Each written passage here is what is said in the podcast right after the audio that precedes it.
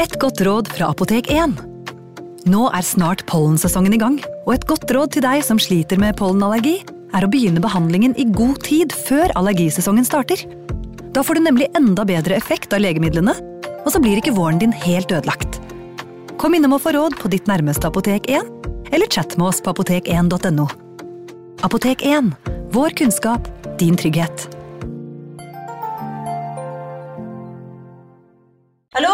Jeg kommer fra Oslo politikammer. Ine Jansen er purk. Er du purk? The motherfucking bitch. Alt jeg vil, er å finne ut hva som skjedde med mannen min. Jon Carew. Er jeg sikta for noe? Iben Akeli. Det er du. Ole So, Lars Berrum og Big Daddy Karsten. Hvem sin side er du på, egentlig? Anette Hoff, Tone Danielsen, Kommer du fra Afrika? Jørnis Josef, Nesten kløfta. Trond Espen Seim, Det er synd å si det, men det var feil mann som døde. Purk. Premiere tirsdag på TV2 Play. Advarsel. I denne podkasten vil du høre historier basert på informasjon programlederne har funnet selv. Programlederne står ikke nødvendigvis inne for meninger og syn som fremstilles. Noen påstander kan avvike fra virkeligheten.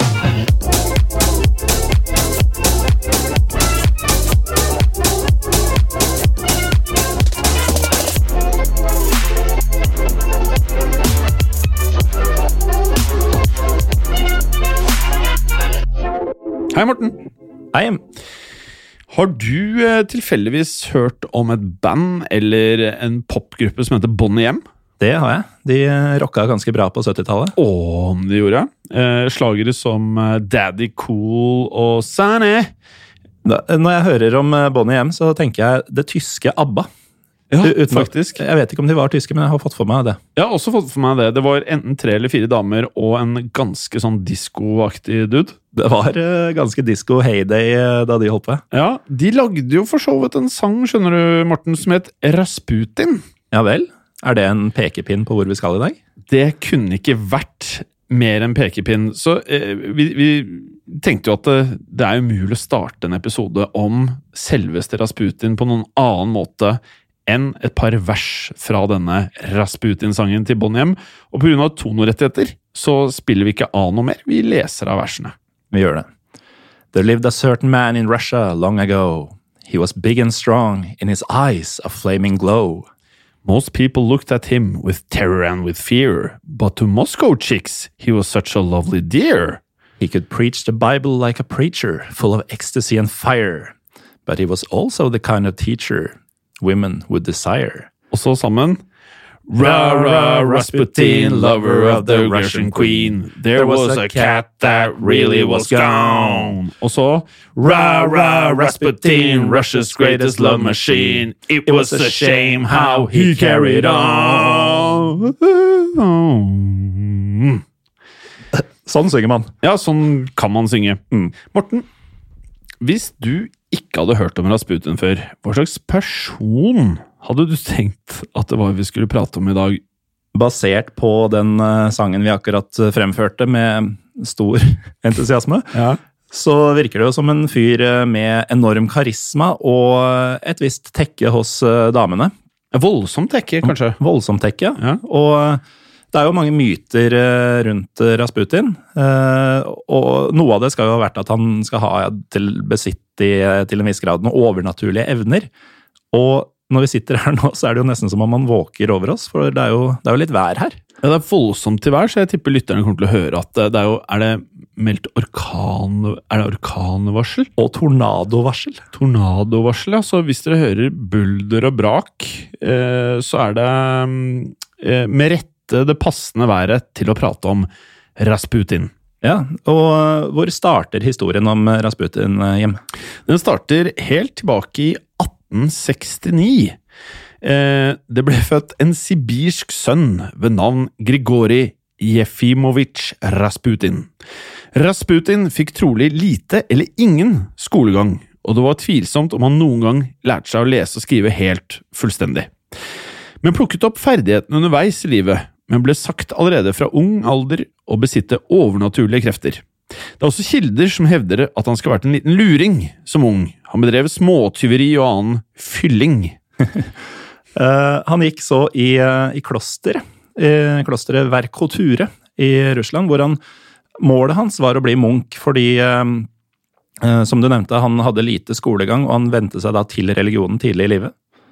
Um, men som Bonnie M. hinter om, så var han kanskje ikke spesielt godt egna til å bli munk, og forlot derfor klosteret kort tid etter. I 1887, da Rasputin var 19 år, gikk han en helt annen vei og giftet seg med Proskovia Fjodorovna. De fikk syv barn, flere av disse skal ha dødd kort tid etter fødselen, men tre av dem skal ha overlevd. I tidlig 20-årene forlot Rasputin like godt familien sin for å reise til Hellas og Midtøsten for pilegrimsferd til Det hellige land. I 1903 så ledet Rasputins reiser eh, han til Kazan ved elven Volga. Eh, dette er da i eh, Tatarstan i det nåværende Russland. Har du vært der? Det har jeg ikke. Da Rasputin kom til Kazan i 1903, så hadde han rykte på seg som å være en mystisk person som muligens besatt healerevner. Og det ble sagt at han kunne hjelpe folk som var syke. Han, uh, det var her han for første gang ble omtalt som en starets. Oh. Vet du hva det er, Jim? En starets Nei, jeg er ikke stø i russisk. Jeg kan kanskje uttale ting noen ganger, men eh, ja, hvordan vil du si det uttales? Starets. Starets. En starets er en slags spirituell veileder innenfor russisk ortodoks kristendom, eh, som man som oftest finner i klostre. Eh, det er ikke noe du blir valgt eller plukka ut til, det er med, som en pave f.eks. blir. Eh, men du blir rett og slett anerkjent eller gjenkjent som en. Og folk rundt Rasputin de så disse starhetsegenskapene i han. En hellig mann som kunne hjelpe dem med spirituelle problemer. Mm. Og samtidig som han steg i aktelse blant biskoper og yppersteprester, begynte ryktene å gå om Rasputins um, evner til å hjelpe kvinner i byen med deres uh, angst og plager, hvis du skjønner hva jeg mener, Morten? Jeg tror jeg har en idé. Hvis ideen din tar basis i sang, Russia's Greatest Love Machine, så er du inne på noe. Det ble nemlig sagt at han lå med flere av sine kvinnelige følgere. Til tross for at han ikke var eh, spesielt opptatt av hygiene, kanskje det motsatte? Han eh, ser ut som en som kan lukte litt. Definitivt, for det skal være en mann en gang som skal ha sagt om Rasputin at han luktet som en geit. vi, vi, må legge ut noen bilder på sosiale medier. Uh, han, han, er veldig gjenkjennelig. Uh, du lurer ikke på hvem Rasputin er i bildene, for å si det sånn. Men altså en åndelig leder som har sex med sine kvinnelige følgere. Er det Charles Manson vi snakker om nå? Vi snakker nok fortsatt om Rasputin, men det er noen likhetstrekk her. Til tross for at disse ryktene gikk om han, ble Rasputin sendt til den høyt aktede biskop Sergej i St. Petersburg. Og Sergej introduserte han for store deler av St. Petersburgs elite, blant annet en mann ved navn Feofan. Og Feofan han var en svært viktig kirkeleder, en mann det lønte seg å kjenne. Han hadde annet vært rådgiver for tsaren og kona hans og han ble så imponert over Rasputin at han raskt introduserte han for selve aristokratiet i byen. Eh, deriblant de såkalte svarte prinsessene, Milica og Anastasia av Montenegro. Disse ble kalt de svarte prinsessene fordi de var svært interesserte i det okkulte. De var personlig invitert av tsar Aleksander 3., far til nåværende tsar Nikolai, til å studere på det prestisjetunge Smolny-instituttet, og ble svært innflytelsesrike i tsarens hoff. De hadde tidligere brakt mystikere inn i tsarfamilien, og skulle også bli de som hjalp Rasputin inn i kongelige kretser. Både Milica og Anastasia hadde giftet seg med fettere av tsaren, og skulle bli nøkkelen til Rasputins vei til hoffet. 1.11.1905 fikk han sitt første møte med tsaren på selve Peterhoff-palasset. Det er et imponerende sted, Hjem. Det er et superoverdådig palass med endeløse parker og slottsbygninger i St. Petersburg, så vidt jeg husker. Ja, det, der anbefaler jeg sterkt et Google-bildesøk. Det står på Unescos verdensarvliste, og er nok et sted en bør besøke hvis man liker litt sånn flash og glamour. Eh, definitivt et passende sted for tsarens første møte med folk i det hele tatt. Som så mange ganger før gjorde Rasputin et sterkt inntrykk. Faktisk så sterkt at tsaren skrev om møtet i dagboka si at han og kona Alexandra hadde møtt en gudsmann, Grigori fra Tobolsk. Skulle imidlertid gå en stund før de møttes igjen, for eh, Rasputin forlot St. Petersburg og kom ikke tilbake før juli året etter. Da han kom tilbake, så kontaktet han eh, tsar Nikolai og kona Alexandra og tilbød dem en gave Et ikon som var av stor interesse for tsaren. Ikoner er tradisjonsrike religiøse malerier, svært utbredt og viktig i den ortodokse kirken. Og senere det året skulle tsaren for første gang møte tsarfamiliens barn, og derfra var det ingen vei tilbake. Tsar Nikolais eneste sønn og den naturlige arvtakeren til tronen var Aleksej. Aleksej var på denne tiden to år gammel og ble født med blødersykdom. Han ble faktisk både født og døpt i Peterhoff-palasset, der tsarens første møte med Rasputin hadde funnet sted.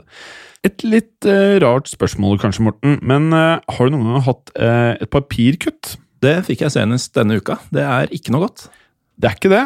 Tenk deg nå hvis du hadde hatt blødersykdom. Da kunne et skrubbsår, neseblod eller papirkutt vært livstruende. Blødersykdommen ble best holdt hemmelig for offentligheten. Og tsaren satte to marinesoldater til å bevokte Aleksej til enhver tid for å unngå uhell. Men eh, uhell var uunngåelig. Eh, han var to år gammel, og det skjedde likevel innimellom. Tsarens kone Alexandra ble fort overbevist om at Rasputin hadde overnaturlige evner.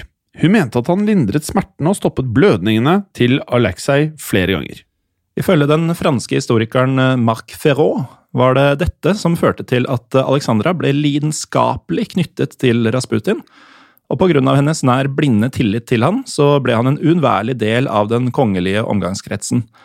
Eh, ryktet om at Rasputin kunne bruke folks tro til å helbrede dem, hadde versert helt siden ja, egentlig før han ankom St. Petersburg. Men etter at Alexandra knyttet seg så tett til han, så spredte det seg ytterligere. Disse ryktene kom ikke ut av ingenting. Våren 1907 ble Rasputin tilkalt da Aleksej hadde indre blødninger. Han ble bedt om å be for ham, og morgenen etter var Aleksej vesentlig bedre. Og det var bare én av flere slike hendelser. Ehm, da Rasputin var i Sibir sommeren 1912, mottok han et telegram fra Alexandra om at eh, Aleksej hadde vært i en ulykke og blødde ukontrollert. Hun ba igjen Rasputin om å be for sønnen hennes, og i eh, et brev han sendte tilbake, så fortalte han at Gud har hørt dine tårer, sønnen din vil ikke dø, men legene, de må la han være i fred. Uh, og det er jo et ganske merkelig råd å komme med, men uh, kort tid etterpå så sluttet Aleksej å blø. Det er jo klart at slike hendelser bygger opp under myter og legender, og for oss skeptikere, da, som sitter her over 100 år senere, er det naturlig å lete etter kanskje naturlige forklaringer på dette? Ja, og en slik forklaring kan jo faktisk være så enkel som det at legene trakk seg litt tilbake og lot han hvile i stedet for å stresse situasjonen ytterligere, at det kan ha vært med på legene.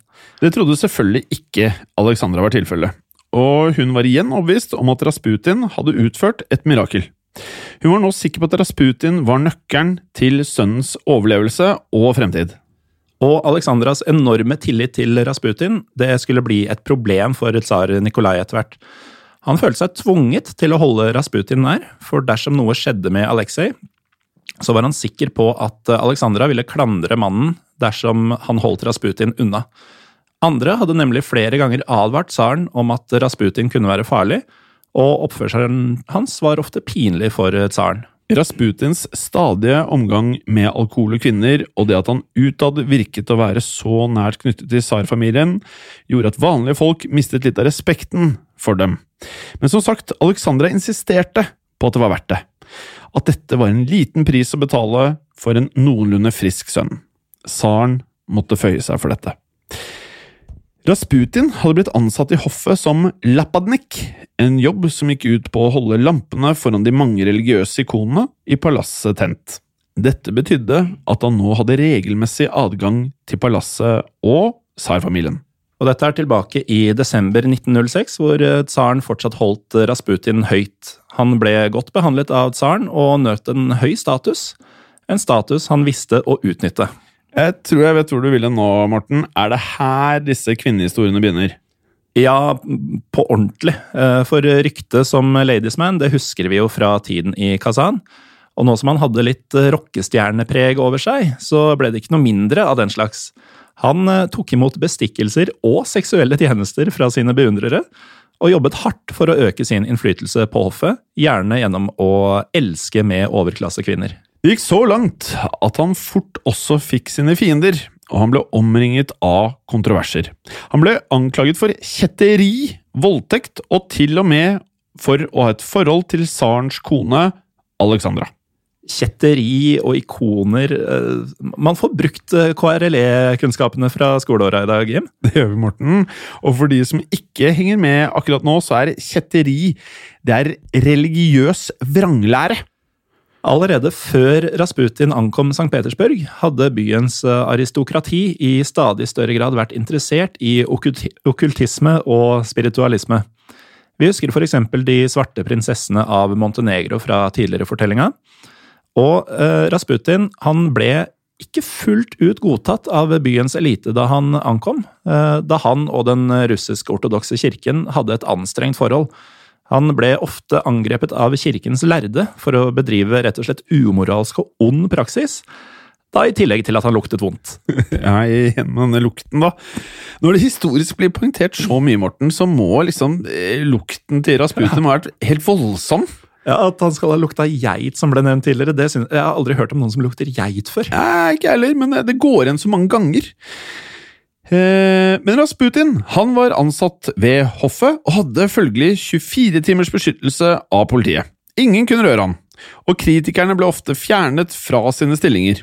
Han fortsatte å hevde ting som at synd og anger var nødvendig for å oppnå frelse, og at det å gi etter for fristelser som alkohol og sex var en vesentlig brikke for å bli frelst. Det er litt forskjell i læren mellom Rasputin og Bondevik, syns jeg.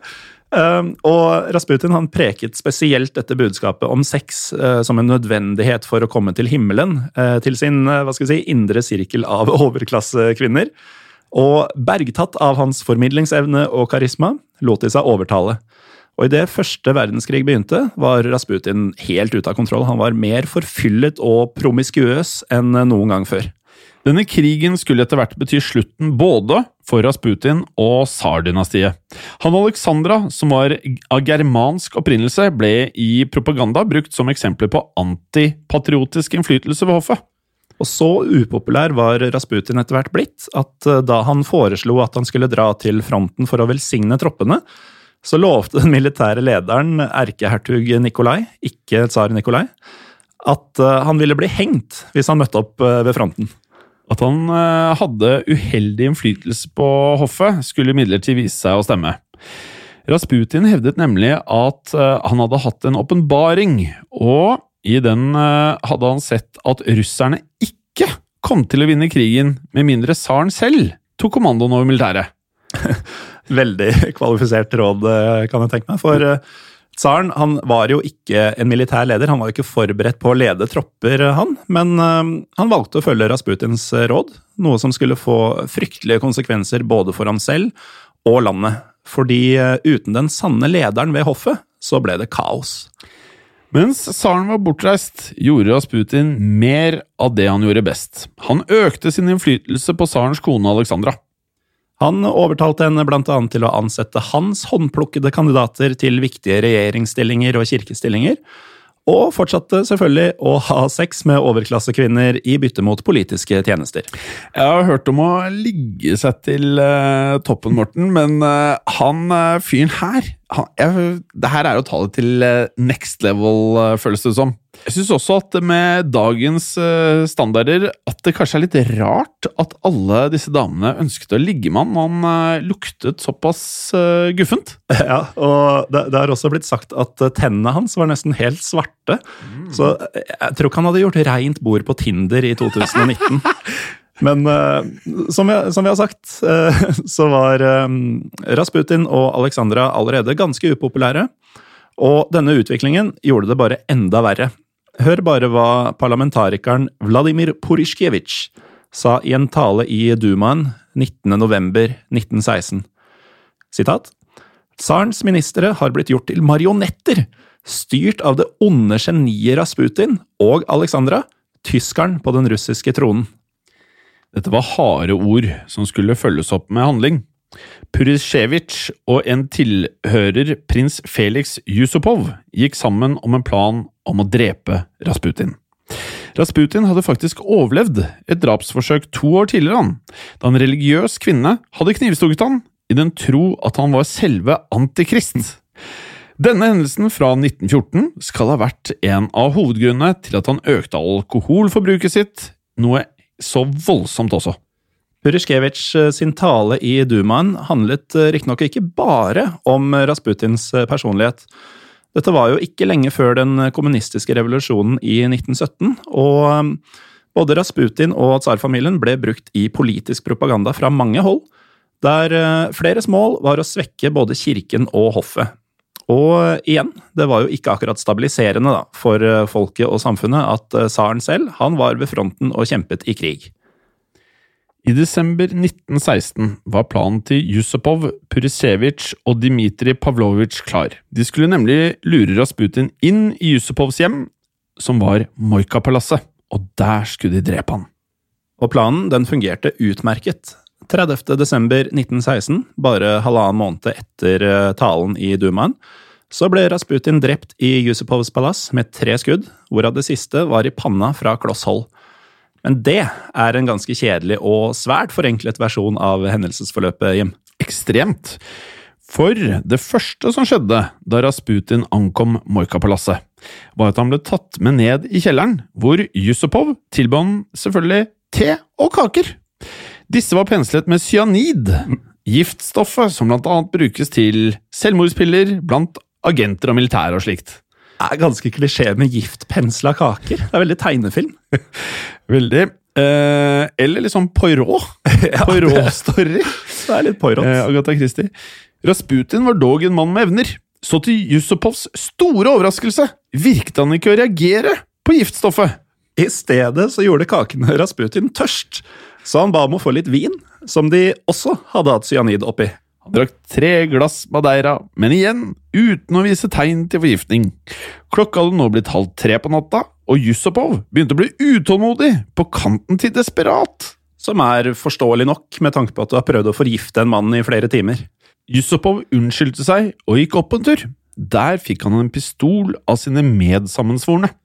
Og da Yusupov kom ned igjen, så skjøt han Rasputin i brystet, og var sikker på at han var død.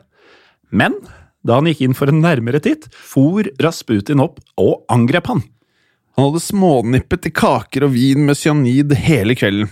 Ble så skutt i brystet, og hadde fortsatt kamp i seg. Dette er en tøff type, Morten. Ja, og Yusupov han kom seg løs fra Rasputin og løp ut på gårdsplassen, med Rasputin jagende etter seg.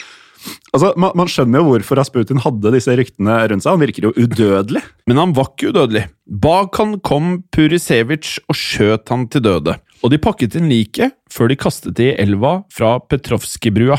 Og det her er altså ikke en legende som har oppstått på folkemunne. Dette er Felix Yusupovs egen forklaring på hva som skjedde den kvelden. Er vel lov å kalle Rasputin litt uh, alfamail? Ja, men uh, dessverre. Uh, doktor Dmitrij Kosorotov, som obduserte liket av Rasputin, han fant ingen tegn til forgiftning. Så akkurat den delen om cyanid, den kan være oppspinn, men vi velger å tro på det. Ja, jeg tenker at det er best å tro på det. 2.1.1917 ble Rasputin begravd i en liten kirke der kun tsarfamilien og noen av deres aller nærmeste fikk delta. Verken Rasputins kone, elskerinne eller barn var inviterte. Kort tid senere kom eh, den kommunistiske revolusjonen, og da tsaren abdiserte i mars, brente noen soldater liket av Rasputin for å forhindre at gravplassen skulle bli et samlingspunkt for tilhengere av det gamle regimet. Det er mange myter knyttet til Rasputins liv, men også til hans død.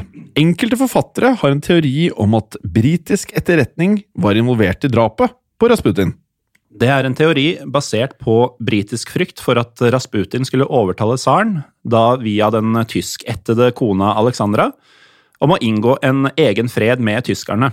Noe som ville gi tyskerne muligheten til å fokusere all sin militære kraft på vestfronten. Det betyr altså at britene skal ha drept Rasputin for å forsikre seg om at Russland ble værende i krigen. Spenstig tanke, spesielt med tanke på at Yusupov hadde studert ved Oxford sammen med noen britiske agenter. Imidlertid så har en britisk historiker ved navn Keith Jeffrey han har kikket i arkivene til MI6 uten å finne noen spor av dette her. Og det mener han betyr at dette nok ikke var tilfellet. Slik ender altså sagaen om Grigorij Jefimovic Rasputin. Men vi må se litt på eh, datteren hans også, Maria, før vi gir oss. Ja, eh, Veldig kjapt om Maria, for hun var da del av en ikke spesielt vanlig familie. Eh, Etter revolusjonen så rømte hun fra Russland og endte opp i USA. Og Der jobbet hun som danser og løvetemmer. Oh. Eh, vi kan jo også ta for oss den siste myten, denne om penisen til Rasputin. Ja, eh, for det er jo en enorm penis eh, utstilt på Museet for russisk erotikk eh, i St. Petersburg, som visstnok skal være hans. Og grunnen til at jeg sier visstnok, det er fordi jo da, den er gigantisk, men det er slett ikke sikkert at den var hans. Faktisk er den ganske sannsynlig ikke Rasputins, for igjen, obdusent Kosorotov han nevnte heller ingenting i sin rapport om manglende lemmer. Men uavhengig da, om den er på et museum, skal um, verktøyet hans ha vært uh, uvanlig stort, og skal nok ha også vært en stor del av æren for at uh, damene sto i kø. Det var i hvert fall ikke lukten. Geitelukta. Er jo ikke de brune, svarte tenna heller. Men uh, nå, Jim, nå tror jeg det er tid for Tidsmaskin.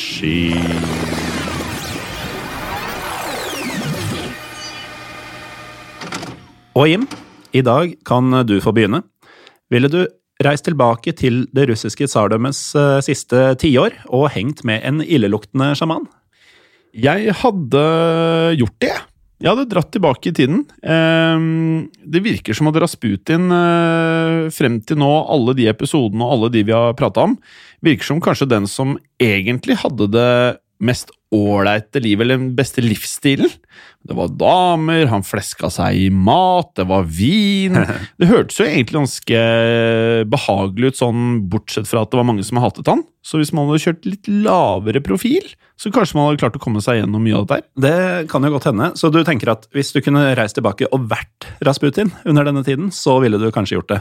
Nei, kanskje bare en i den gjengen hans som han likte. Altså At ja. jeg ikke ødela noe for greiene hans, men at han bare aksepterte at jeg var der.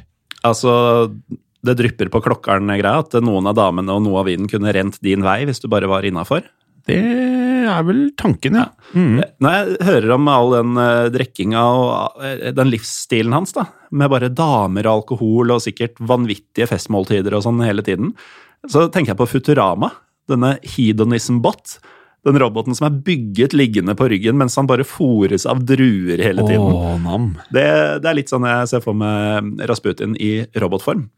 Og så er det en annen fin greie med å ha vært god øh, venn, øh, i gåstegn elsker med hun Alexandra. Det er at det i tsarfamilien så vanket det veldig mye Fabergé-kunst, eller øh, egg. juveler, smykker. Um, og jeg føler ikke at det er helt feil å få kloa i eh, et av disse eggene. Nei, det er mange fordeler med å elske med tsarina Alexandra. Uh, nå er det jo også noe tvil om hvorvidt han faktisk kom så langt opp ja, i hierarkiet, men ja, uh, en av de mange mange mytene om uh, Rasputin er jo at han også lå med tsarens kone, og da tipper jeg han fikk i monn. Kan det være. Hadde du dratt tilbake og vært ved Rasputins side? Ja, altså For det første så samler jeg jo litt på gamle sovjetstater, og Russland har jeg fortsatt ikke vært i. Uh, og St. Petersburg eh, tegner seg veldig ut som et sted verdt å besøke, da, med dette erotiske museet og disse palassene. Uh, Vitrovskij-brua, eller Petrovskij-brua, som man ble kasta ned fra og sånn. I tillegg da til at uh, dette må ha vært en ekstremt fascinerende tid og et ekstremt fascinerende selskap å være i. Eh, med tanke på alle strømningene som skjedde i Europa og Russland på den tiden, med at det brygget opp til første verdenskrig, og det brygget opp til revolusjon. Og du hadde en fullstendig klin gæren, udødelig, eh, stinkende fyr med enormt skjegg, som gikk rundt og trakk i trådene og bare tok over samfunnet. da. Men tenk deg hvor sykt det er at han var en av verdens kanskje mektigste menn, eller som hadde mest påvirkning på utfallet til eh, et av de viktigste landene i verden? Det er det. Så eh, et eh, rungende ja fra meg, og som du sier, hvis man i tillegg kunne deltatt litt i den livsstilen med utsvevende alt mulig, krystallklart ja. Så vi kjører nå Al Capones pansrede Cadillac tilbake, vi nå. Ja, med litt sånn teknologiske modifiseringer fra Elon Musk. og Ja, Musk må trekke litt i snoren. ja, For at dette skal kunne gå. Ja. Men eh, jepp, vi tar turen. Bra. Eh, Morten, Yes. vi må jo igjen, etter eh, en uke med kanskje rekordmange hyggelige tilbakemeldinger Mm. fra vår forrige episode om Gulåsen, Yep. eh, takke lyttere igjen, ikke bare for de hyggelige meldingene om at dere liker det vi gjør, men forslag til episoder også. Rasputin har vi fått anbefalt av i hvert fall ti. Eh, og det er jo klart at eh, da er det jo en kul historie å ta når man vet at dere vil ha det også. Ja, og det er jo også en gulrot for dere som sender inn, å høre at vi faktisk hører på dere. De mm. forslagene som kommer inn, de havner i et eh, dokument vi har delt hjem, som eh, Det er saftige greier. Saftig. Eh, Folk der ute har hørt om så mye som jeg aldri har hørt om, eh, men som virkelig gir meg lyst til å sette meg inn i og dele med lytterne senere. Så den jobben dere gjør, er faktisk veldig viktig. Og som Morten sier, det havner i et sånn kjempe-Google Sheets-ark hvor vi legger inn alt vi får inn. Det er fortsatt ikke ett forslag vi har fått inn vi ikke har lagt inn. Men vi har kanskje ikke rukket å svare på alle forslagene. Det har vi kanskje ikke. På Facebooken Historiepodden Norge, som jeg styrer mest, der har vi svart på alt. Ja, ok. Ja, jeg styrer eh, Instagram eh, Historiepodden Norge-kontoen. Eh, jeg tror jeg har svart på 90% 85 85 eh, Så følg oss gjerne både på Instagram og på Facebook. Følg aller helst Instagrammen, for da er det jeg som gjør best jobb med SoMe-kanalene våre. Følg også gjerne Facebooken. Men viktigst av alt eh, Gå inn på iTunes og rate oss veldig gjerne med fem stjerner. Utrolig viktig for oss, utrolig viktig for podkasten, og det gir oss kjempemotivasjon å se at folk gjør det. Mm. Det er eh, det samme som med disse forslagene og gode tilbakemeldingene som kommer inn ellers. Ser vi at eh, folk rater høyt, i et høyt tempo også, så gir det oss jo bare enorm lyst til å fortsette å dele disse greiene med dere. Bra oppmanning, Morten. Hva er det de sier? Det har skjedd. Og det kan skje igjen. Og hvis eh, Hellboy, filmen fra 2004 eh, Vi var er- ikke ferdig, nei. Nei, fordi eh, i, i den så er Rasputin faktisk en av de onde. Og han blir da gjenopplivet i forskjellige tidsperioder. Så hvis den filmen har et snev av sannhet i seg, og at Rasputin ikke er helt død, så kan det faktisk skje igjen på ordentlig. Ja. Men jeg tror ikke det. Nei. En gang til, Gallosen. Det har skjedd. Og det kan skje igjen.